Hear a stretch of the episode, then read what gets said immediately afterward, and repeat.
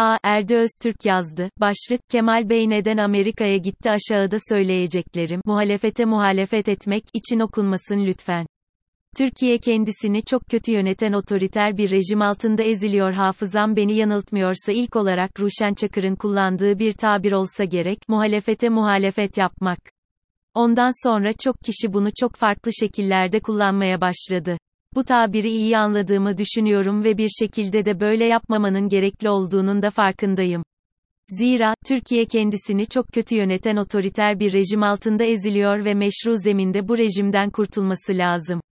Bu nedenle AKP'ye alternatif olan bir yapının her şekilde desteklenmesi gerektiğini düşünüyorum. Ancak, AKP karşısındaki yapıları bir şekilde desteklerken de onların yaptıkları hataları söylememeyi de sırf muhalefete muhalefet etmemek adına söylememeyi de ahlaklı bulmuyorum. Dahası lisan-ı münasip bir şekilde söylemenin şu aralar tam zamanı olduğu kanısındayım. Çünkü, eğer bir yanlışlık var ise hala bu yanlıştan dönülmesi için belirli bir zaman var ya da bir şekilde yeni politika üretilmesi gerekiyor ise bunun içinde bizler olmayacağı olmayacak ya da yanlışa yanlış demek zorundayız.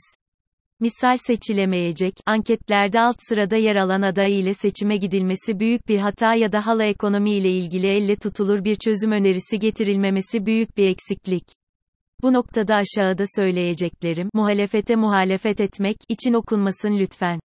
Sadece bir komikliğin, boşa harcanmış zamanın ve de eforun bir daha yaşanmaması adına mütevazi bir uyarı ya da gözlem olarak okunmasını tercih ederim.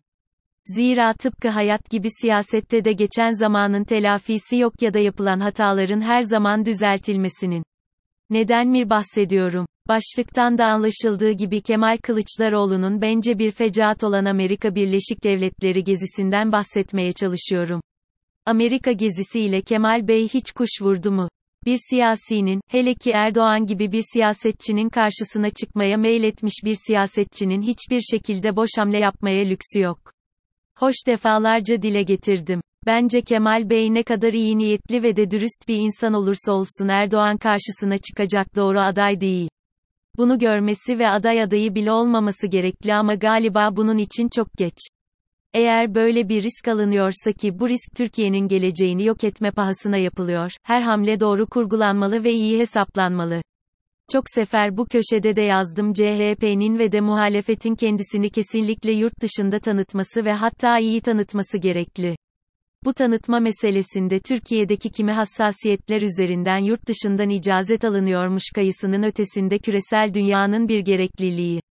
Zira Türkiye gibi hem tarihsel hem coğrafi hem de stratejik öneme sahip bir ülke aktörleri küresel güçleriyle belirli ortak noktalarda uyum içerisinde olmadan ne iktidar olabilirler ne de güçlü bir şekilde iktidar kalabilirler. Bu ne, Batı tarafından desteklenmek, ne de, Batı'nın maşası olmak demek.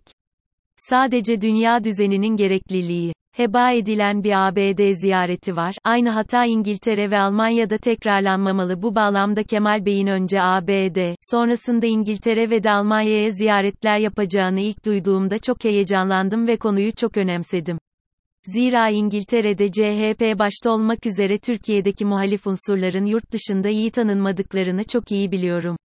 Misal 2020 Aralık ayında Almanya'da Alman Dışişleri Bakanlığı Türkiye masası yetkililerinin ağzından birebir CHP temsilcileri buraya geliyor beraber yemek yiyoruz ama birbirimiz hakkında bir bilgi sahibi olmadan dağılıyoruz. Lafını işitmişliğim var. Bu bağlamda ben Kemal Bey'in ABD'de en azından kongre üyelerini ziyaret edebileceğini, Türkiye'nin Batı ile bozulan ilişkilerinin düzelmesini isteyen siyasi aktörler ile bir araya gelebileceğini düşünmüştüm.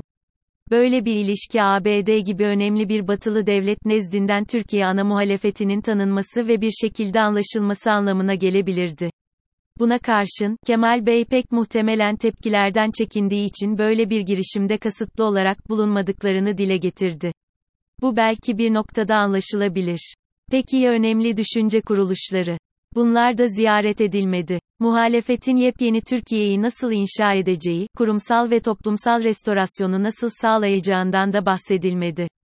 Nokta. Buna karşın Kemal Bey alanında çok çok iyi profesörler ile görüştü, öğrenci kulüpleri ile açık ve kapalı toplantılar yapıp kimi medya kuruluşları ile temaslarda bulundu.